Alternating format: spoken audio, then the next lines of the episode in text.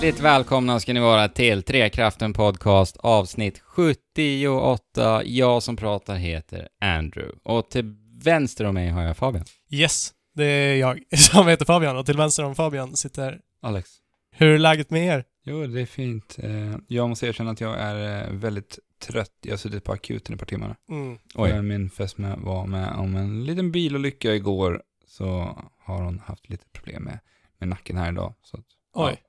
Och som ni vet så är ju inte akuten den trevligaste miljön att vara i. Nej. Man ser Mm, många nej. sjuka människor och en steril miljö. Mm. Och den piggar inte direkt upp en. Nej. Nej. Och man bara sitter och väntar och väntar och Ja. undrar. Ska Och man vara orolig eller inte? Och, Mm. ja. Men eh, den stora frågan, hur är det med fästmön? Det är eh, bra. Det Mm. gick bra. Vad bra. Skönt. Skönt att höra. Ja. Hur är det med dig Fabian? Eh, jag, jag har precis blivit lite bättre ifrån en sjukdom. Oj! Så att jag är inte på topp. Men eh, jag ska göra mitt bästa. Hur är det med dig? Jo men det är bra. Eh, bara bra. Och jag är lite förvånad idag. Förvånad? Ja. Eh, jag är förvånad över att Superhot inte är på allas läppar i hela spelvärlden just Ja. nu. Superhot VR. Det, det är en bra fråga. Ja. Mm. Kanske för att VR inte riktigt har blivit den stora grejen som Nej. man förväntade sig innan. Nej men när man pratar just VR-spel alltså. Mm. Då tycker jag att alla borde prata om detta. Men jag tycker det Mm. pratas överlag lite om VR-spel. Att det gör det verkligen. Men är inte det på grund av att det faktiskt inte finns särskilt mycket intressant då? Fast det finns ju det om man letar. Ja, precis. Men inte, okej, men inte så här intressant som Superhot VR. Nej, det ja, det. Nej, inte, Troligen inte. nej, inte det jag har provat. Men det finns ju mycket intressanta. Bara den grejen som vi provade med Rec Room är väldigt häftigt också. Ja, jo. Så det finns ju mycket sådana gömda guldkorn kan jag tänka mig. Mm. Men Superhot vart ju stort förra året med sin eh, PC-spelet då, som Mm. inte då var i VR. Ja, precis. Och nu har man gjort det här spelet till VR. Och Precis. vad, det här Ja. spelet, vad, vad är det man gör? Ändå kortfattat? Ja, Superhot är ju så att eh, rör du dig så spelas tiden upp. Står du still så står tiden stilla Ja. i spelet. Mm. Eh, och jag spelade ju nu detta i helgen, Superhot VR, för första Mhm. gången. Ni pratade ju lite kort om det förra veckan. Gjorde vi? Och jag blev golvad. Bokstavligen. Bokstavligt talat. Ja. Mm. Eh, Ja. Alltså det var så, så häftigt. Det, ni vet, man pratar ju VR om att man eh, verkligen blir så insupen i denna värld och känner sig verkligen som den här karaktären. Mm. Jo, men det är det. Ja, och i Superhot så trissas det upp till 100 alltså, Mm. tyckte jag. Mm. Det var så häftigt verkligen. Och det var som att vara i en actionrulle.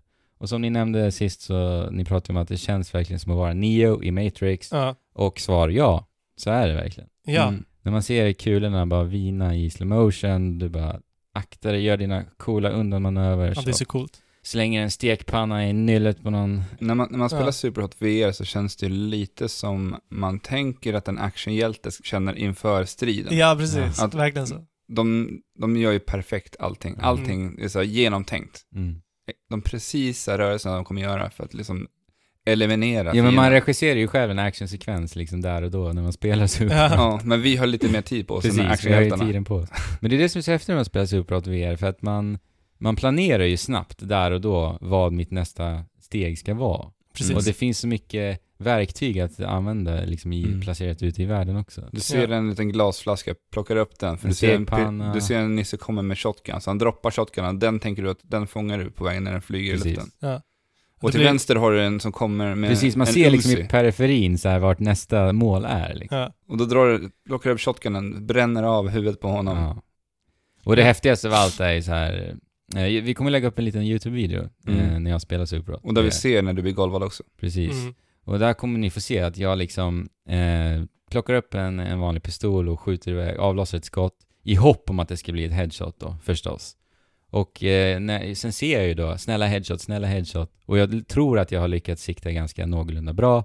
Och när det då visar sig att det är ett headshot, inte bara en gång, utan två gånger, på, på liksom mål som är ganska långt bort. Jaha. Alltså den, den tillfredsställande känslan var någonting utöver det vanliga. Ja. Mm. Ja, det blir väldigt mycket som pusselstrategi när du spelar det här spelet. Nej, fantastiskt bra. Alltså har du möjligheten att prova Superhot VR så gör det. Mm. Yes. Så det här var verkligen unikt. Verkligen. Är det Wii Sports 3.0? Nej. Nej, det här är Superhot VR. Men alltså det här, man, man rör sig väldigt mycket och du kra- kravlar på golvet och ställer dig upp och sätter dig ner. Det blir ju som ett litet, en litet arbetspass liksom. Mm. Och sen, vet, Så tror du det här skulle lämpa sig bra för gamlingar, precis som Wii Sports Nej. gjorde från början? Det är för mycket rörelse för pensionärer. och det blir lite för oergonomiska rörelser Ja, också. alltså man- måste I och med ju- att, att du tänker inte riktigt på hur du rör dig. Nej. Och du måste ju ibland lägga ner på golvet och det är Precis. inte den bästa rörelsen för en pensionär. Mm. Nej, okej, kanske inte för pensionärer, men eh, i övrigt, den svenska folkhälsan. Eller världens folkhälsa. Nej. Det, det är ändå Det som- finns bättre sätt att Ja. röra sig på. Det är långsamma ja, rörelser. Jag, jag skulle, alltså det, ja, men långsamma rörelser är ju bättre. Ja, men då kan de gå det på... blir ju liksom yoga. Då kan man ju köra yoga på Wii Fit. Nej, men det är ju inte samma, det är inte alls lika kul. Men absolut är det bra. på, på något vis. Men det är inte optimalt. Nej, kanske Men inte. då är Hollowball i så fall till VR. Där är det lite rörelse, lite Mm. liv och Eller men så kan man där- ladda där ner går den här... man ju fram nej, och nej, nej, tillbaka. lyssna nu. Eller så kan man ladda ner den här appen. Alex. ja, som jag Vadå berättade. för app? ja. Pocket Strafe heter den. Vad, vad är det? Ja, det är en eh, applikation som du laddar ner till telefonen och synkar upp med din Vive eller Oculus. Okej. Och så lägger du telefonen i fickan och då så börjar du torrspringa om man säger så. Torr Ja, vi, kallar det för torr, vi kallar det för torrspringa för du springer inte på riktigt. Okej.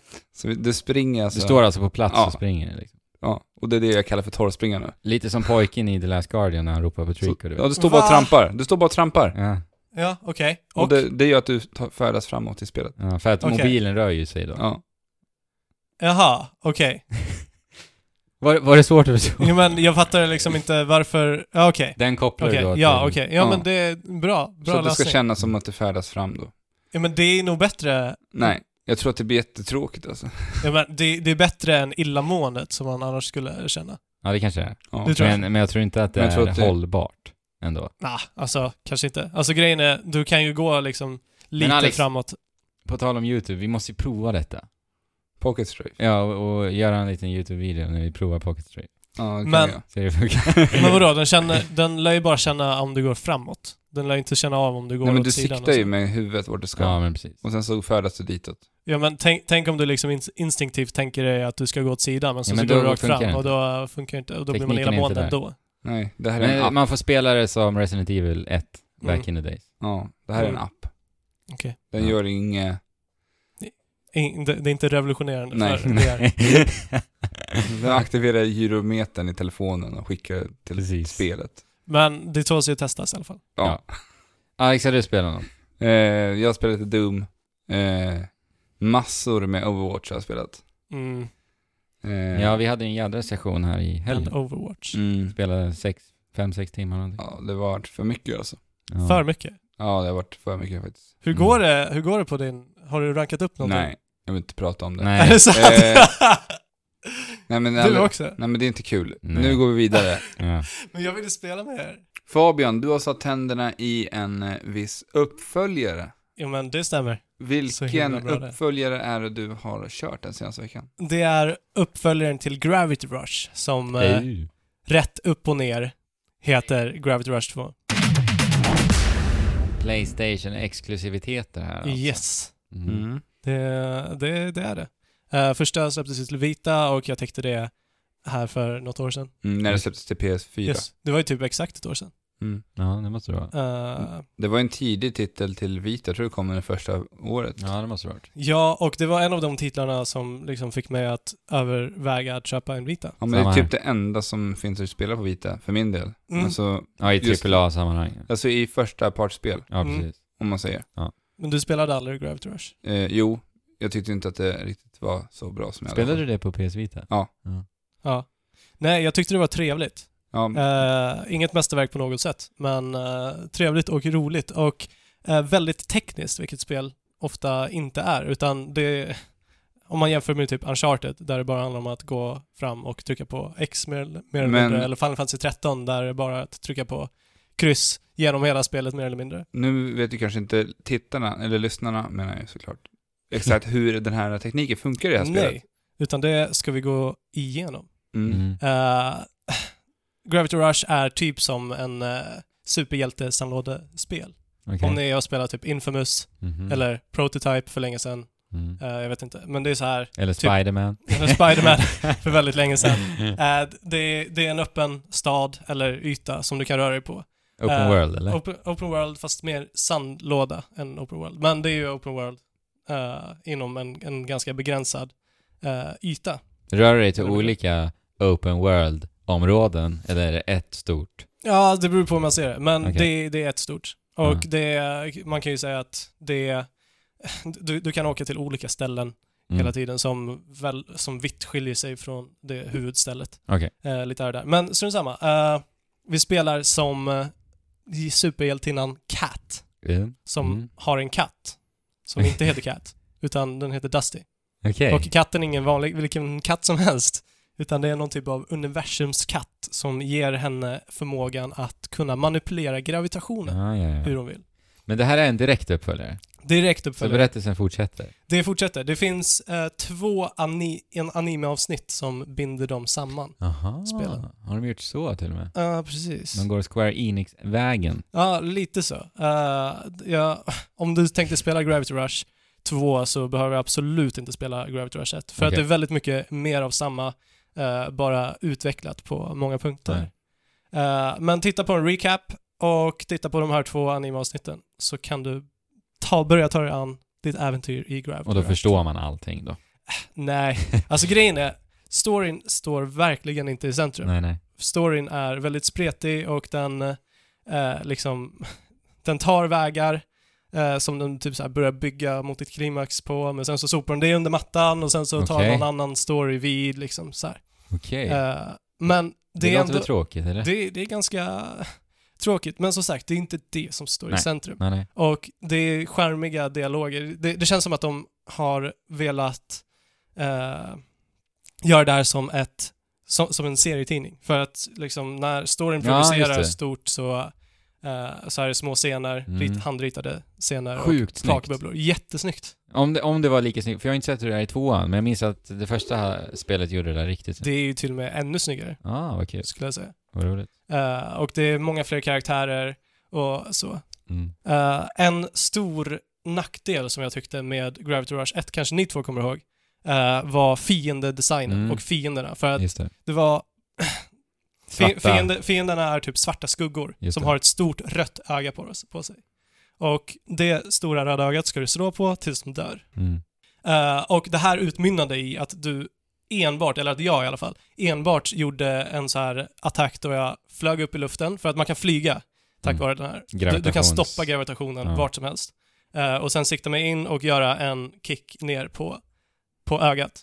Mm. Och så såg fighterna i stort ut hela tiden. Typ som spiken. Alla, vi alla har väl gjort spiken någon gång, Mm. Mm. när vi hoppar ner i vattnet. Jag, jag, Precis. tycker, jag tycker vi bara ska förtydliga lite på just hur den här gravitationsförmågan fungerar. Absolut. Så att lyssnarna verkligen kan förstå det. För att jag spelade ju första Gravity Rush och då kunde man liksom välja i vilken grad man skulle liksom rikta gravitationen. Okej. Så man Eh, typ Du faller. menar riktning? Ja. Precis. Så att man flyger aldrig, man, Nej, man eh, Du faller ju. faller. Det är lite hela tiden. häftigt alltså. Alltså det låter ju häftigt. Mm. Funkar det så? Det funkar Häftigt. bra. Men okej, eh, då tar vi kameran. Mm. är ju ett uppenbart problem när det kommer till, till ett, en sån här mekanik. Ja, det kan jag Eh, tänka mig. För att du, du trycker på en knapp och sen så eh, står det still. Då, då är gravitationen nollställd liksom. Men då måste Då jag fråga man. bara Och snabbt. där så siktar du vart du vill, vart du vill rikta gravitationen så att man faller åt det hållet. Ja, ja, ja. Men måste jag fråga, föremål och liknande runt om i världen, vad händer med dem? De, eh, det är väldigt mycket mer eh, utarbetat här. Det finns må- många fler föremål och de följer med dig och om du är en, en folkmassa och, och ändrar gravitationen så kommer de att följa med. Mm. Så det, är det inom en viss radie? Eller är det det är inom en viss radie. Ja, okej. Det är inte hela... Jag tänkte Nej, nej. Det hade varit galet. Ja, precis. Då hade det inte varit många levande kvar. Nej, jag menar det. Alla hade bara fallit av det för att första man gör i spelet är bara hiva ner alla döda alla. stup. Man är ingen superhjälte, man är Det en är- supervillain. Det är Gravity Rush 3. Ja, När den här radien har blivit så stor. Att hon har alla- blivit så stark. Ja. Och då hade utvecklarna kunnat sagt innan spelet släppts Gravity Rush går att klara på en minut. Och så hade alla liksom börjat snacka Du på, menar på som typ de gjorde på, med Zelda? Precis. Ja. Ja. Aja Numa har tydligen sagt att det går att klara av Breath of the Wild på en kvart.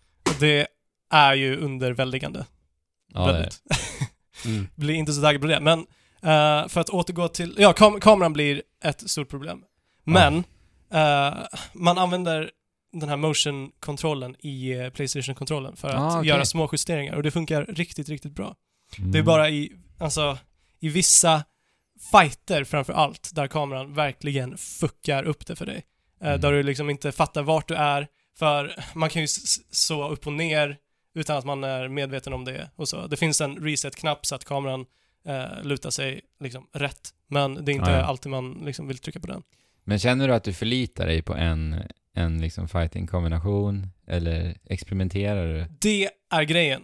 De har gjort ett jättebra steg ifrån första, Ja. första spelet med det här. Ja. För att dels är det inte alls lika fokuserat på fighter överhuvudtaget. Okej. Så att fighterna är liksom en ungefär lika stor del som eh, allt annat lekande som man kan göra med gravitationen. Det kan Mhm. handla om att dela ut tidningar eh, eller och det gör du då genom att bära upp de här och kasta dem. För att Cat har också en förmåga där hon kan ta ett visst antal föremål runt omkring henne, bära upp dem och skjuta iväg dem Okej, med gravitationen. med gravitationen. Mm. Och då kan det dela ut tidningar och så.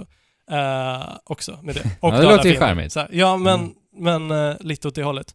Eh, och dessutom har de påökat fiendevariationen väldigt mycket. Mm. Utan det är inte bara de här Nevi-monstren som vi slåss mot. Men de utan finns det är också kvar? människor. De finns kvar. Har de Eh. fortfarande samma synliga ömma punkt? Ja. ja, Väldigt så här eh, första skolans speldesign. ja Mm. Den röda punkten. Mm. Där gör det ont. Det absolut. Absolut. Men det har ju också en funktion som jag kommer till alldeles strax. Det Aha. finns också människor eh, och mex. Mexen funkar ungefär på samma sätt, att de har liksom en generator, men de kan du också döda genom att eh, bara masha på Mhm. dem. Du Mm. behöver inte sikta in dig på generatorn. Så Men- du drillar hål på mexens skal. Mm, kanske. Eh, Men jag måste fråga, är all, all stridsmekanik kretsat kring det här gravitationssystemet? eh, ja, mer eller mindre. Det finns, du, du kan ju gå i close quarters combat Ja. också. Och eh, Men du får inte så stor utdelning av det? inte eller? alls lika stor utdelning, för att de här gravitationsattackerna är så pass mycket kraftfullare. Ja. Men Okej. kan Cat sin karate? Ja. Hon eh, är riktigt, riktigt skillad. Cat Hon är det. Jag skulle inte vilja möta henne eh, en mot en. Hon kan sina round kicks. Det kan hon. Skönt. Eh, och så kan man så kan man undvika också dodga. Eh, men det fyller inte superstor funktion, utan det mesta, det mesta man gör är att använda olika typer av förmågor eh, i de här huvudförmågorna. Mm. Huvudförmågorna, det vill säga att du plockar upp föremål och skjuter, skjuter föremål som projektiler på dina fiender. Mm. Eh, och gör olika saker i... Men luften. eh, hur, hur levlar du upp eller? Ja, man levlar upp, men det är inte liksom en standard experience mm, Okej. lina. Nej. Utan ju mer uppdrag du gör, desto mer levlar du upp. Ja, ja. Under, efter vissa uppdrag så förstår jag det som att belöningen är att du får lite mer HP och du får lite mer av den här kraften. För att kraften är inte oändlig, men den skulle lika gärna kunna vara det. Mhm. För liksom, Ja, för att du ändå får... nej, Och, ut, utan för att när den har tagit slut så tar det kanske två sekunder och sen så fylls ja, ja, den direkt den upp igen. upp. Ja, ja. Eh, men, det, men det behövs också. Eller alltså, jag menar, eh, det enda gången det är betydelsefullt överhuvudtaget är just under striderna då du måste eh, tänka lite ekonomiskt kring den här kraften. Mhm. Mm. Hade det inte varit kul, kul att ha oändligt med det då? Jo, eller det, grejen är det hade inte spelat så stor Nej, roll. nej. Det är bara i vissa tillfällen då jag under det här spelet Ja. har drabbats av det Mm. överhuvudtaget.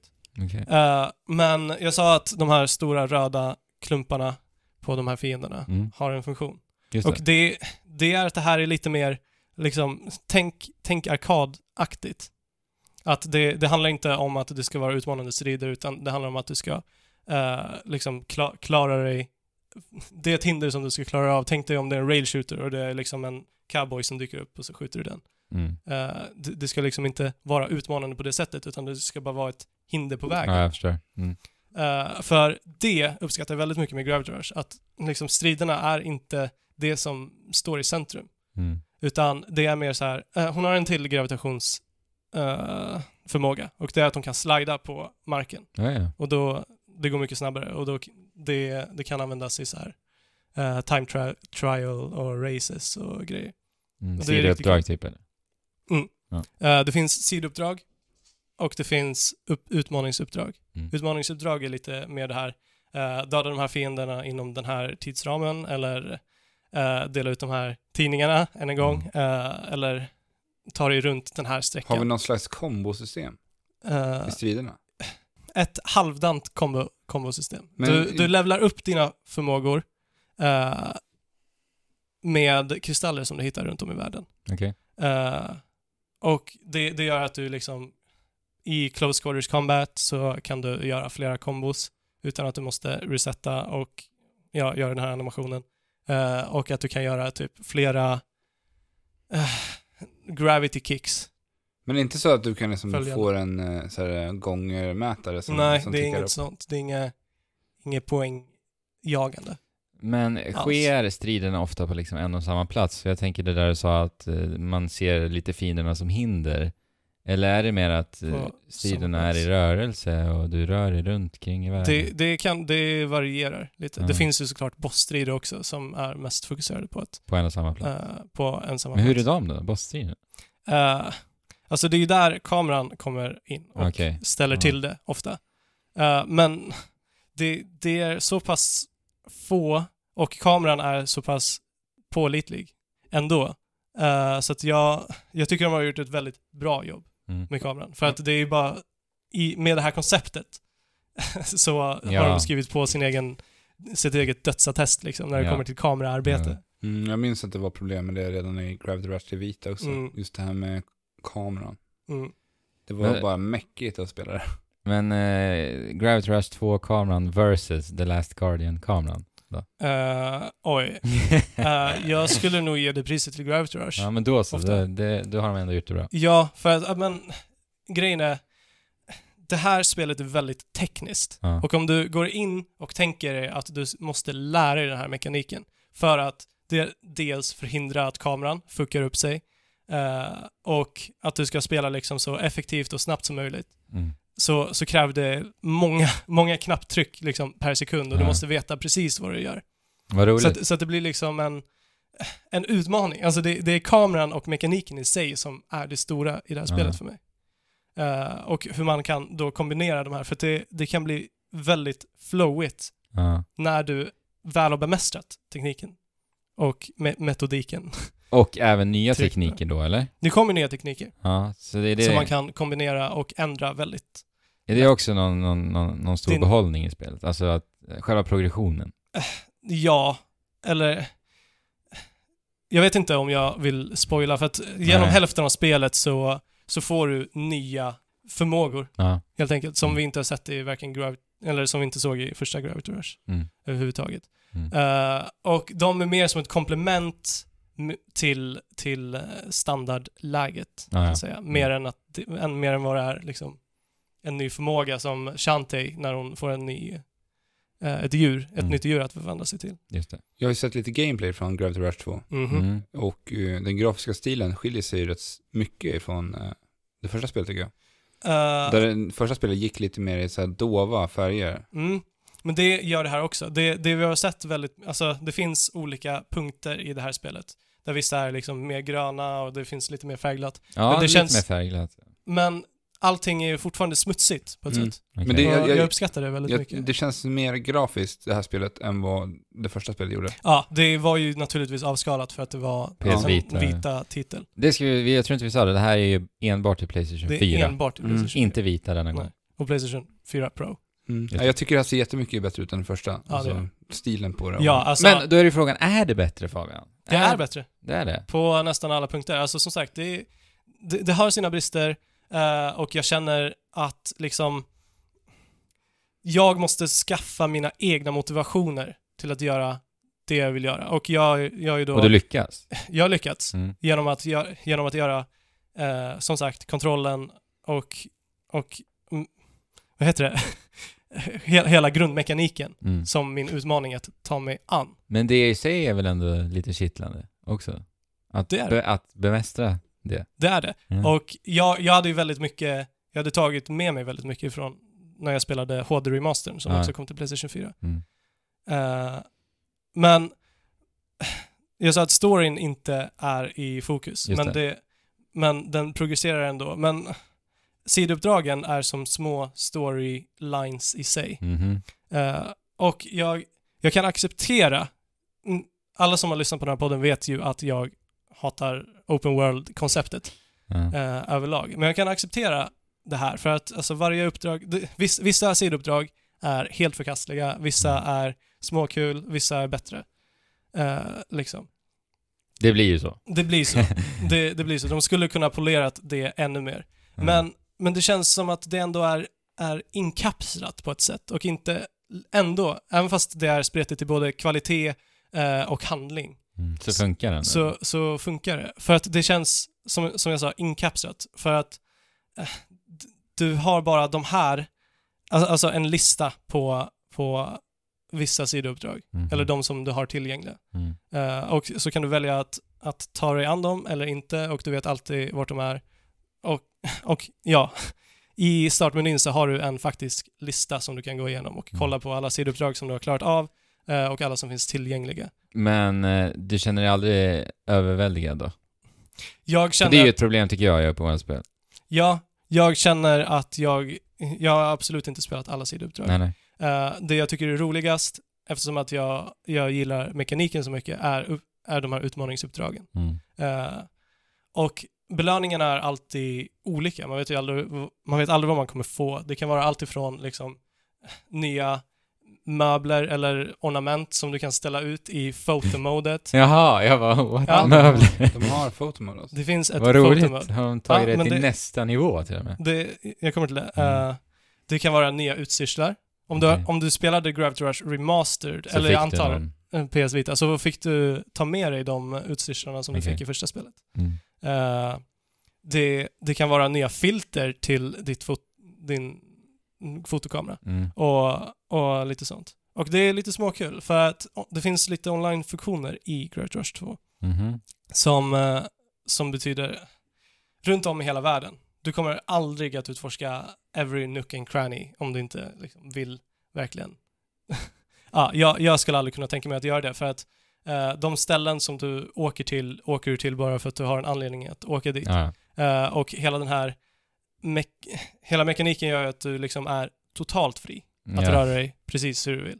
Så det är inte så att jag kommer leta på någon liten balkong någonstans.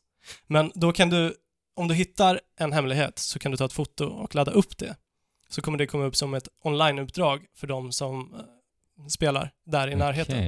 Eh, så att i det här fotot så ska du inkludera hemligheten och något landmärke så att folk kan hitta den här hemligheten.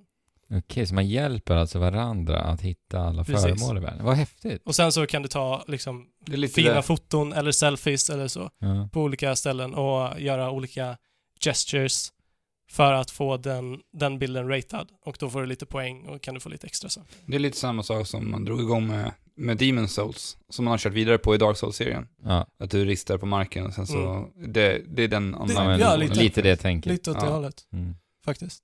Men det låter ju då som att det måste finnas en herrans massa föremål att hitta. Det, jag, jag har inte bara hittat sex hemligheter, men jag gissar att det är Det måste ju fullproppet. vara hundratals, låter det som. Om vi ska hjälpas åt på webben och hitta allt. Ja. Så, vad, din slutgiltiga dom då Fabian? Vem, vilken spelare ska det här spelet funka för? Min slutgiltiga dom är att det, det är ett spel med bristande story. Mm. Eh, men som ändå liksom har charmiga dialoger och har liksom ett värde i sig. Men de lyckas inte liksom etablera någon typ av relevans i det Okej. riktigt. Men ett unikt gameplay kan man ju konstatera att det har. Precis. Det, det lyfts ändå upp av det här gameplay-metodiken. Om du, om du tycker om liksom utmaningar, gissar jag. Mm. Okej. Så, och det, det är ett fruktansvärt vackert spel. Uh, Cell-shadat. och cell-shadat och eh, det flyter för det mesta på bra i 30 bilder per sekunden, även fast det liksom är hundratals föremål som kan flyga runt och fiender Mm. här och där. På vissa punkter känns det polerat, på vissa punkter är det inte alls polerat. Mm. Men som en nybörjar-gamer så vet jag inte hur mycket, hur mycket värde jag skulle finna i det här. man, man kanske inte orkar helt enkelt då. Nej. Och du kan ju naturligtvis spela igenom det här spelet utan problem genom att inte lägga så mycket fokus på just att bemästra kontrollen. Ja, okej. Mm. Men det kommer gå lite mer klankigt fram. Det funkar att köra spiken på de röda plupparna Mm. även i detta spelet. Det, det gör det. Men som sagt, det finns flera fiender och det är inte lika mycket fokus på striden. Ja, men vad roligt. Ja, jag Det- gillar det. Ändå en rekommendation kan du säga. Eh, Beroende en, på. Beroende på. Alltså om du tror att du, du skulle gilla det så tror jag att du skulle gilla det. det, det kanske är så, titta på detta innan Ja. du bestämmer dig. Ja, men gör det. Ja. ja, men härligt. det. Det är familjevänligt. Fast, en sak måste jag, måste jag dra in i. Ja, men kör. När det kommer till storyn. Ja. eh, så, ma- man förväntar sig, jag förväntar mig i alla fall, att det bara ska vara liksom väldigt blasé rätt igenom, bara, bara charmigt och roligt. Eh, för det är det, och knasigt. För det är det det här spelet Mm. uttrycker. Jo, men faktiskt. Att det är knasigt. Det, Ja, det gör även musiken. Jag och bara katt. Du heter katt, och vad heter katten? Den heter Dusty. Ja, och det är någon form av universum. Och sen har jag en kompis som heter Raven och hon har en, en universums korp. Ja, såklart. Ja. Ja. Eh, så, så är det ändå, även fast, även fast det är liksom barnsligt porträtterat, Mm. så, så är det ändå liksom verklighetsförankrat på något sätt och brutalt Mhm. på, på ett sätt Oväntat. under ytan. Vilket var väldigt oväntat. Mm. Och d- de tar upp ganska, ganska tunga ämnen som liksom förtryck och fattigdom och k- kraft, vad heter det? Kraftmissbruk. Och så vidare. Och hur skildras detta då? Ganska, ganska dåligt. Det finns, det, det, det blir aldrig någon klimax. Nej, Men det skildras nej, rätt som bra. du sa. Mm. Ja. Mm. Nej, men känner du dig klar för mig? Ja. Mm. Men eh, ska vi ta en liten paus? Ja.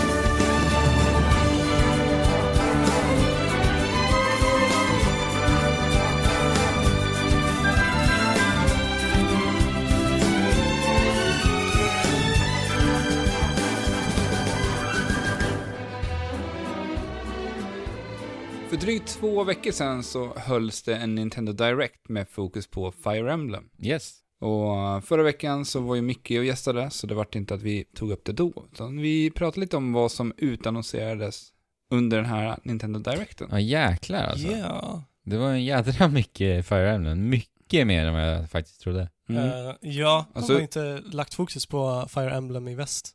Eh, under Switch eh, Presentation. Presentationen så visade de ju upp att de höll på med den här eh, Fire Emblem Warriors. Mm. Yes. Koei Tecmo Mm. som gör. Så att de gör en... Eh, Dynasty Warriors, Hyrule Warriors. ja, de rullar vidare på det här. Ja. Eh, vi fick- Smart ändå. Vi fick inte Faktiskt. se jättemycket mera utav det här. Ja, lite, lite mer gameplay. Ja. Mm. Eh, Och vi det- fick veta att det även släpps till 3DS. Även nu 3DS enbart den här Ja. gången. Eh, för att Hyrule Warriors släpptes ju också till 3DS vid ett senare tillfälle. Eh, och det fick ju så mycket skit för att det rullade så otroligt dåligt på Mm. 3DS. Men Kan man inte, inte på nu 3DS. Mm. Där funkade det bra. Så det var väl kanske ett, ett eh, sunt val då att eh, låta det endast existera på nu 3DS. där man- Ja, man kan inte bäras upp av önsketänk. Mm. Och de kommer släppa det här i augusti om jag inte Nej, jag tror inte... Ja, har vi fått en, en månad? så- så- Jag tror de har sagt holiday bara. Strunt Ja. samma. Det kommer i höst i alla fall. Ja. Men en sak undrar jag. Vi ser ju att det är mass, en klunga såklart förstås av soldater vi möter. Mhm. Och vi vet ju att Fire Emblem har ju det här sten, sax, påse-systemet. Mm. Det vill säga att, nu vet jag inte vilken ordning det är, men yxa slår svärd, svärd slår pilbåge och bla bla bla. Ja. Mm. Ja, det är säkert helt fel just det, men ni förstår. Eh, och då undrar jag om det kommer vara en del utav Fire Emblem Warriors, Mm. vilket jag hoppas faktiskt. Men utifrån den här trailern att döma så verkar det inte riktigt vara så. Det blir svårt att göra det Ja, Dynasty Warriors-spel. Jo men alltså, du skulle kunna ha liksom en eh, armé av svärdsmän, en armé av eh, uh, Yxmän och så Mm. vidare. Som skulle bara vara liksom supereffektiv. Men Ja. det skulle fortfarande gå att döda med allt annat. Ja, och sen kanske att du kan med ett knapptryck så här ändra till olika Mm. vapen med samma karaktär. Ja, så eller att det blir lite flowigt, att ja, men nu är det svärd som gäller, sen direkt efter så ska du använda yxan. eller att du har med dig två stycken kamrater till ut på fältet som du kan switcha Ja, med. som man switchar med, precis. För att Mm. det, det bygger ju mycket Fire Emblem på. Alltså Ja. de här Mm. relationerna mellan karaktärer. Och det, det känns som att Ja, om de ska göra fanservice av det här spelet så måste de ju ta med den delen in i det här spelet. Mm. Och För det, var, även... det var ju någonting som ändå Hyrule Warriors gjorde bra. Fanservicen. Mm. Ja, ja, oj. Ja, det var häftigt att se Zelda sådär. Mm. Även om det var lite knasigt också. Ja. Mm. Men det slutade inte där. Vi fick ju även en ny utannonsering till 3DS. Shadows of Valentia. Fire Emblem Jajamän. Echoes, Shadows of Valentia. Och det här är en typ en remake på ett gammalt Fire Emblem som heter Fire Emblem Gaiden. Ja, tvåan faktiskt. Och Mm. det kom aldrig till väst, utan det var bara en släpp i Japan. Ness va? Exakt. Mm. Eh, och jag blev lite glad, måste jag säga. Mm. Och förvånad. Mm. Mhm. Nintendo, de håller fast vid 3DS. Mm. Och det är väl lite så här, lite läskigt också, kanske. För vi pratar om det här i och med Switch nu då, att det är, vi tror ju att det är väldigt viktigt att Nintendo enbart fokuserar på Switch nu. Mm. Eh, och i och med detta så tyder det annat. Ja, men det kommer inte ske över en natt. Nej, I precis. så Nej. fall. precis. Alltså- och det här är ju å andra sidan också en, som sagt en remake, eller ska man kalla det en reimagining, kanske? Ja. Ja. ja, det är det. För Ja. att det är ju inte alls, eh, det är ju inte Nintendo-grafik på det här. Utan Nej, precis. det, man kör ju på samma stil som man gjort i Awakening och i Exakt. Ja. Birthright. Och Just, men precis, det också. Det här är ju en motor de har liksom gjort fyra spel med Mm. innan. Så att det är förmodligen inget liksom stort projekt för dem. Så att nej, det tycker jag ändå är kul. men Faktiskt, kul. jag kommer ja. spela det här. Jag Ja. gillar, älskar ju Fire Emblem nu Ja, helt jag, plötsligt. jag, jag skippade ju Fire Emblem från förra året, så jag är lite sugen på att hoppa in i Fire Emblem igen. Ja. Gött. Men vad visar de sen då, på tal om att hoppa in i Fire Emblem igen? Eh, jo, vi fick också Switch. det var ju utannonseringen. det innan. Mm. Förlåt. Eh, att, de- att de faktiskt jobbar på ett Fire Emblem till Switch och det här, senast de gjorde det var ju faktiskt till Wii. Där de ja, du menar att de tar ett Fire Emblem till eh, konsol? Ja, precis. Ja, och senast är ju på Wii. Jag tror att det spelet nu, kanske jag säger fel, men Radiant of Dawn yes, tror jag heter. så heter det. Okej. Precis. Tror jag. Ja. Eller så är det GameCube-versionen. Ja, men, eh, ja. Det är sant. Ja, men Mm. Det var ja, senast i Fire Emblem, ja precis. Det var ja, men kul att se att det, de jobbar på det till Switch. Ja, jag blev så glad. och se hur de ska tolka Fire Emblem i, eh, den, i en ny motor. För att nu Mm. kommer man ju skrota det gamla. Ja, Mm. det ska bli Gå vidare. jättekul. Och det kan bli så vackert. För att, eh, alltså, Fire Emblem är ju ett spel som inte behöver vara liksom grafiskt eh, krävande. Nej. I och med att det är ju en spelplan du befinner dig på egentligen. Ja. Mm. Och Som sen Micke så- sa i förra avsnittet, att man tänker ju ändå att det händer. Ja, men precis. Ja. Mm. Men eh, då- när vi nu blir inzoomade i striderna på Mm. Switch nu, det kan, kan bli så vackert. Mm. Ja. Men här, som det vi sa innan, det finns ju orosmoln där med att Nintendo då håller fast vid 3DS, men det här tyder ju på annat. Mm. Så att nu gör ju liksom Intelligent Systems ett Fire Emblem till Switch. Ja. Och jag är så glad över det. Vi fick ju inte se mycket mer än det. Vi fick ju se en liten text. Ja. Nu jobbar vi på det här till Switch. Ja, kommer nästa år, Mm. precis. Har de sagt. Ja. Ja. Det ser jag ett otroligt mycket fram emot. Mm. Sen Kul. Alex, på Då- att... Det den här, den här presentationen var, lade fokus på var ju faktiskt det här mobilspelet som det har pratats om. Just det. Nintendo sa ju i förra året, jag tror det var höstas förra året, att de hade två spel på gång och det var ju Animal Crossing ett av dem och det andra skulle vara ett Fire Emblem. Det var ju som plåster på såren när vi fick reda på att eh, eh, NX inte skulle visas på E3 ju. Ja. Mm. Sen lite, lite när, när det hade lagt sig, bara men vänta hörni, Fire Emblem och Animal Crossing kommer till mobil. ja, men då trodde vi att vi skulle få den förra året också. ja, för det sa de ju. Mm. Men då fick vi Super Mario Run som vi inte visste om då. Så. Ja, precis. Men eh, det här spelet jobbar de tillsammans med de här DNA som, Yes. som de skapade samarbete med här förra, eller ja, är det, det var är några år sedan tror jag. nu. Ja, jag vet inte när Två, det är. Över två år sedan. Ja, men det är den här mobil, mobilutvecklaren som Mm. har gjort bland annat Puzzle and Dragons. Är det det de har gjort? Nej, det är det inte. Nej, Nej. jag tänkte väl Vä- vänta, så att DNA har Va? inte varit med och gjort Puzzle and Dragons? Nej, Nej. men eh, de, jag vet ju att de har gjort, de har ju tillverkat bi- mobilspel vet jag, så de har i alla fall erfarenhet. Mm, de har ju varit stora i Japan vet jag. Mhm.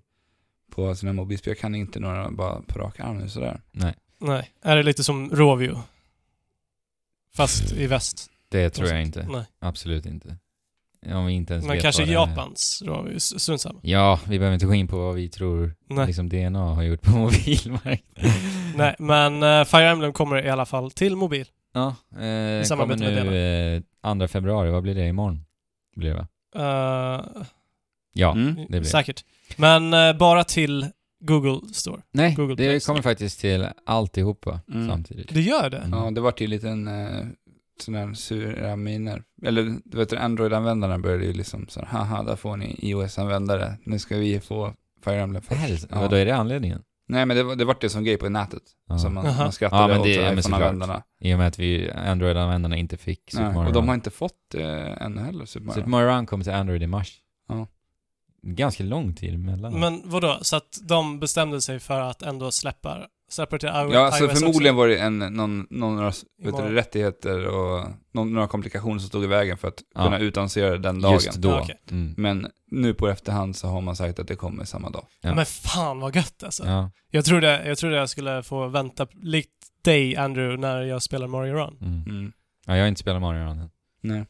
Eh, nej men det är kul. Ja. Eh, De har ju verkligen anpassat det här spelet efter Ja, mobiler. För har de har ju 16 gånger 16 rutor på det här Nej. så att du ska kunna se. 6 16 gånger gånger 8. 6 gånger 8. 6 gånger 8 så du ska täcka hela rutan. Ja.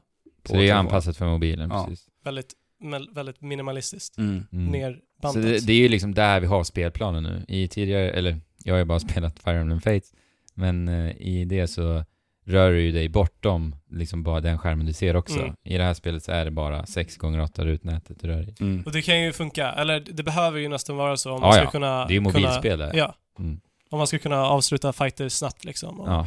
Och sen verkar det, spelet heter ju Fire Emblem Heroes, så det Mm. har ju ett otroligt eh, stort fokus på just hjältarna. Mm. Och det här är ju alltså hjältar ifrån alla Tidigare. alla tidigare Fire Emblem-spel. Mm. Mm. Och det tycker jag ändå är smart. Att de eh, packar ihop allting just det till mobilen. Ja, Mm. det blir ju väl, ver- verkligen en så här spin-off. Ja. En liten. Och sen har man ju, jag har ju mina favoriter från Fates då såklart, för det är det spelet jag har spelat. Så det blir lite, det är ju så här kul att se, ja men där är ju han ju, Ja. och där är ju hon ju. Men, det kommer vara free to play. Mm.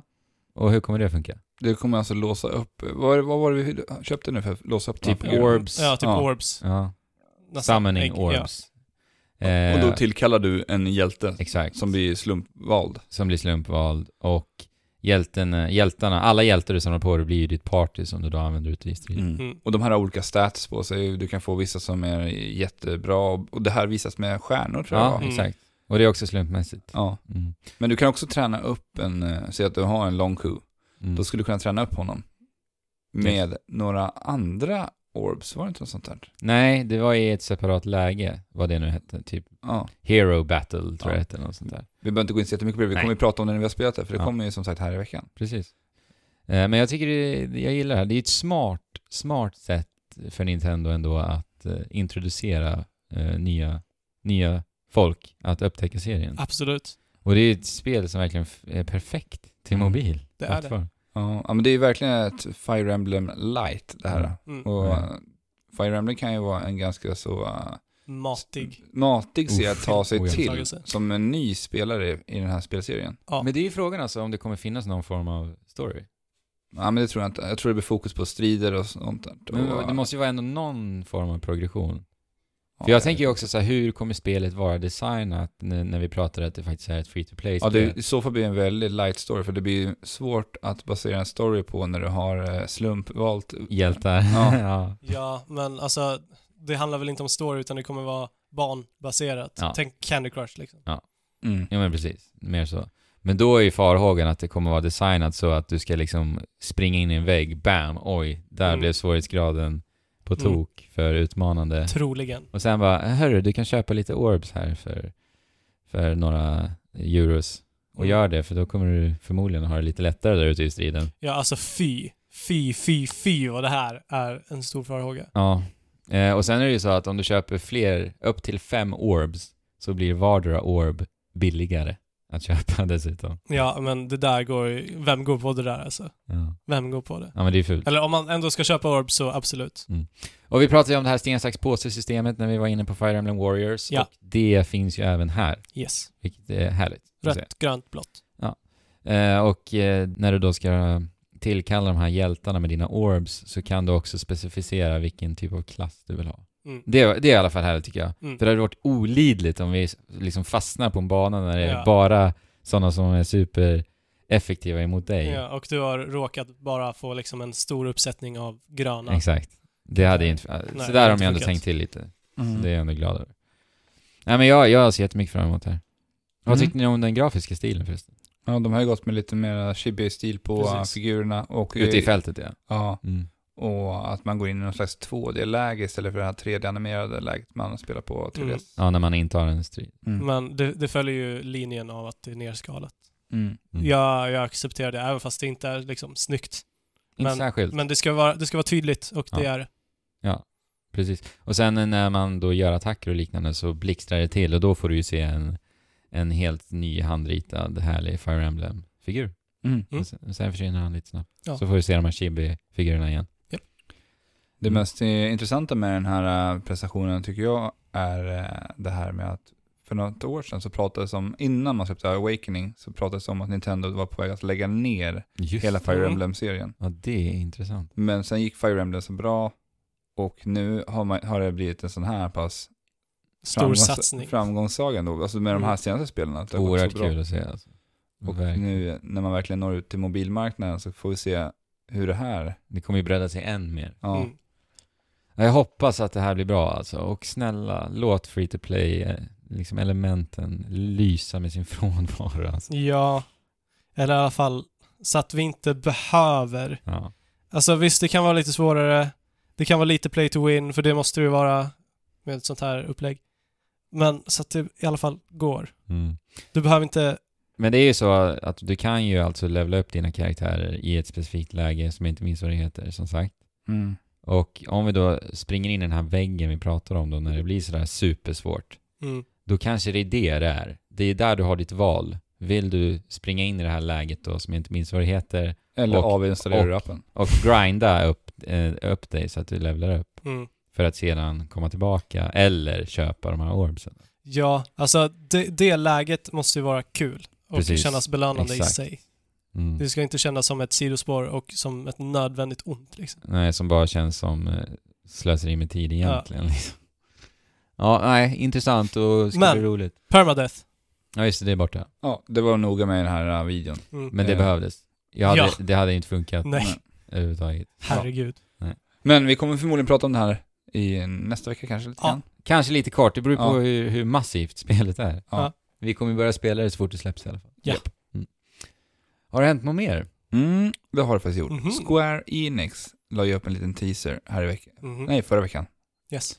Eh, och vad var det här för liten teaser, Fabian? Väldigt oväntad teaser. Det är alltså Marvel och Square Enix. Mm. Alltså Crystal Dynamics som Mm. eh, jobbar under, under Square Enix. Som har ingått ett samarbete. Mm. Eidos, Eidos Montreal, Crystal Dynamics och sen så är det Square Enix som då Ja, ger ut ja. det. Precis. Så de ska göra ett Avengers-spel. Mm. De, de två Ja. studios. Mm. Alltså har de sagt att det är ett Avengers-spel? Eller är det bara upp till tolkning? För vi får ju se i den här lilla teasern.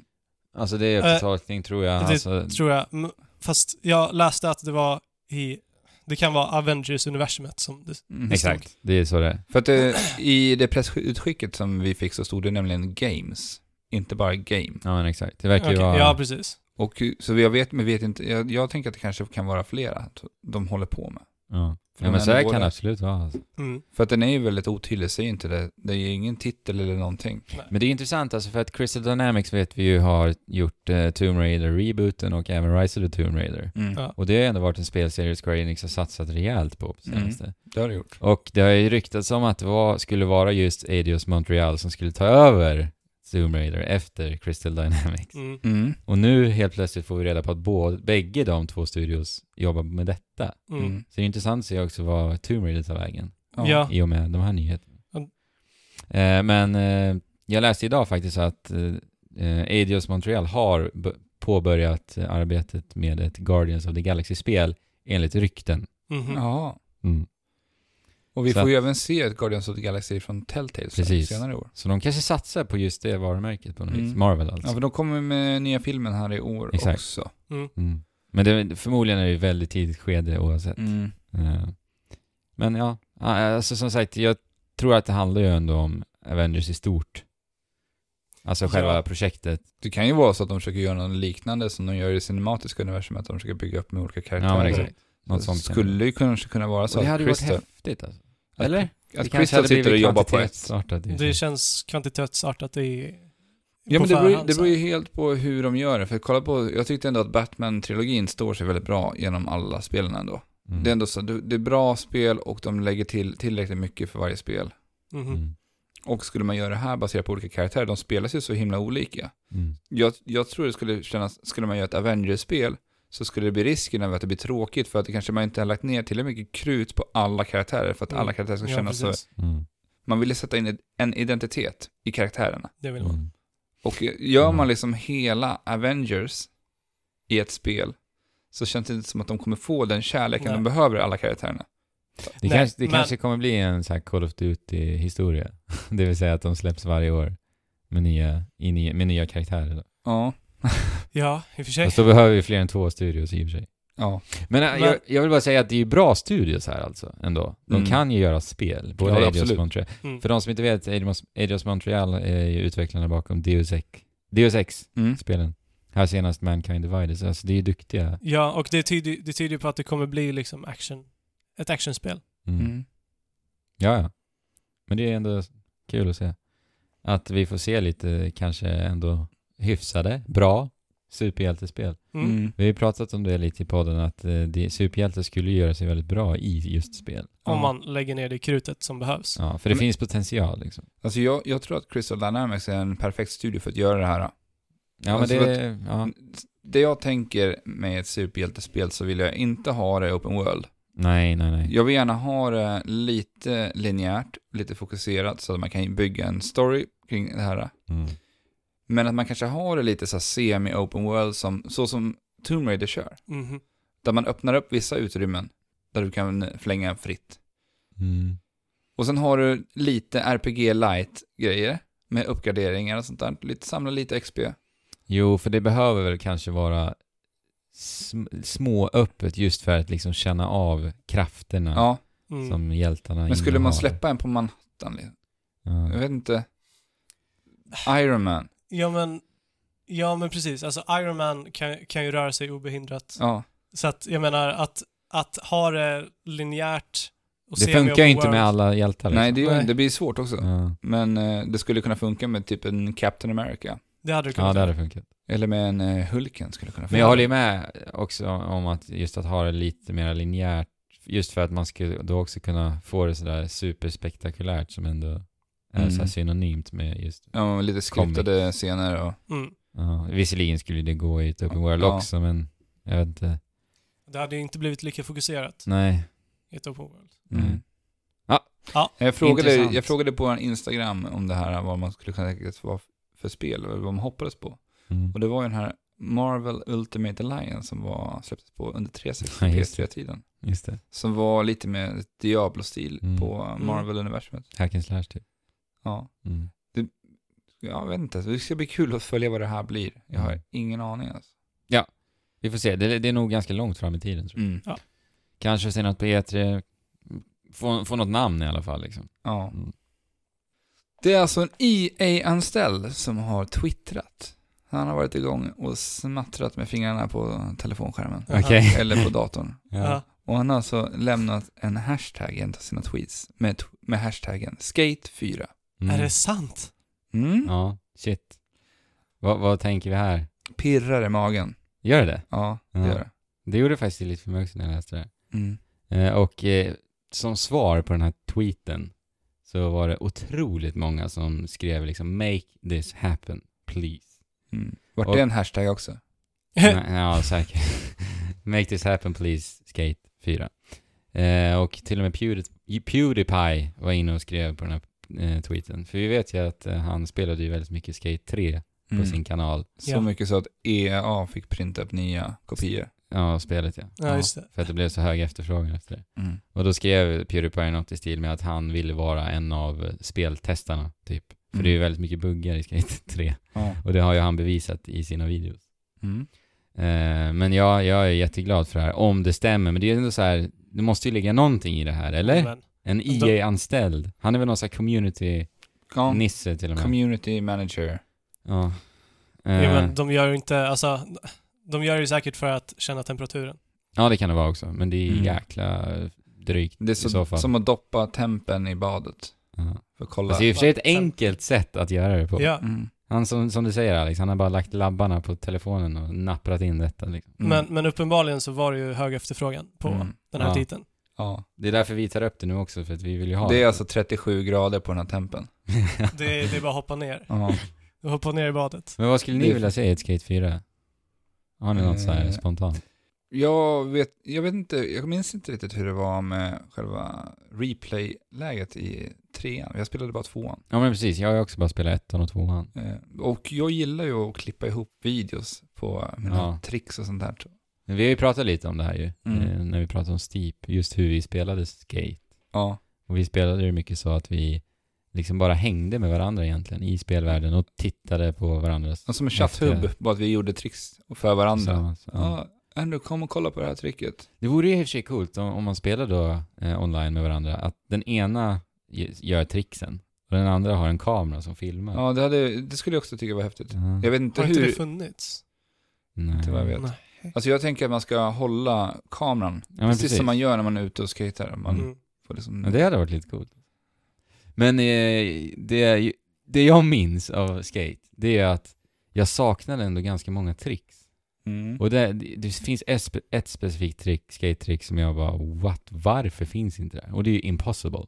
Va? Och det är ett av de Fanns snyggaste skate-tricken tycker jag. Nej, det fanns inte i skate. Det är den då man bara snurrar runt den. Ja, snurra runt skateboarden längs, om man s- kör i goofy då, så blir det den högra Mm. benet. Längs den bakre foten. Är det det? Nej, jo men det är det ju till och med va? Ja. Ja, det är Ja. den bakre. Förlåt, då blir det vänster om man Mm. kör goofy. Ja, nej, det är jättesnyggt. Och- Men generellt så mer, fler tricks skulle jag vilja säga Mm. i, skate. Och typ, ja, vi pratade ju om Fifa The Journey. Mm. Och det hade varit häftigt att se ett Ja, så här, faktiskt. Mm. riktigt så här, ja, påkostat. Det är som Tony Hawk-spelarna försökte se på. Ja, storyläge. Ja, Och sen precis. när, när Ben Margera kom in där och fuckade upp hela... Ja men ett seriöst skulle jag vilja ha. Ja. Typ att, och att du liksom verkligen känner progressionen och utvecklingen av att gå ifrån en amatörmässig Alltså skatare det, det är det där jag älskade. Du vet, man började få sponsorer. till Sina Ja. favoritskatemärken Ja. när man var yngre och sånt där. spelade Men sen hade jag då velat se att till exempel att du kanske inte kan hoppa ner för 12-stegstrappor när du då bara startar spelet, utan att det finns något form av stat-system då som att, i progressionen. Som Mm. gör att du till slut då kan klara av att hoppa ner för de här 12 men, men jag vill gärna ha det ganska så uh, sparsmakat där ändå, när det kommer till statsen. Ja men Alltså oh, att det ska vara typ balansen mm. och eh, till exempel musklerna för att kunna liksom ta sig upp högre. Att Ja, tekniken i, i sina trick. ja. För blir det liksom... men på något sätt bara. Ja. Så man känner, kä- känner utvecklingen för jag, när du det säger stats så tänker jag direkt på Tony Hawk. Ja, och, nej, nej, nej, jag och då blir det bara så här, när du maxar Ja. dina stats i Tony Hawk, då kan du ju hoppa över. Nej, men jag vill ju att det ska hållas kanske än mer realistiskt än vad Skate 2 Mm. gjorde till och med.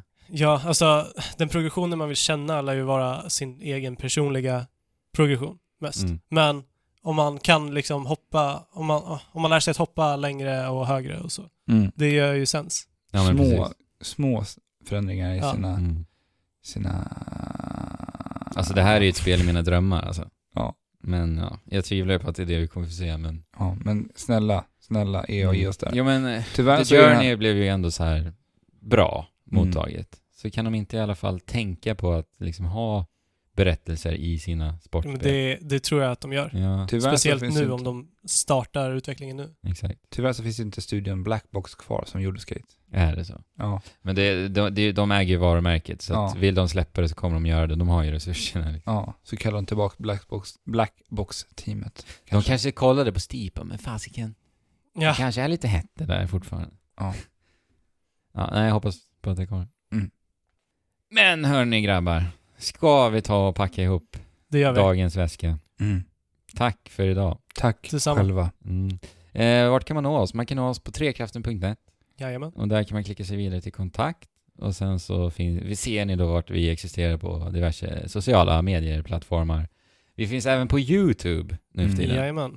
Eh, och sen så finns vi också på uh, spel på spel Nej, och sen finns vi... på Discord. Jag tän- vi ska inte finnas någon, någon flerstans, utan jag skulle Nej. säga eh, skicka gärna en iTunes-recension. Ja, Det var det jag skulle gör det gärna. Då blir vi glada. Mhm. Har ni något mer att ta upp innan Eh, vi säger hej? ja, glöm inte att kolla in på Superhot-videon på YouTube. Mm. Yes. Den- det, Borde ligga uppe. jajamän. Och det kommer också en Gravity Rush-recension från mig Wow, på Fabian. YouTube. Ja, det är kul. Mm. Med det sagt, spela på allihopa. Och Chip, tjola hopp!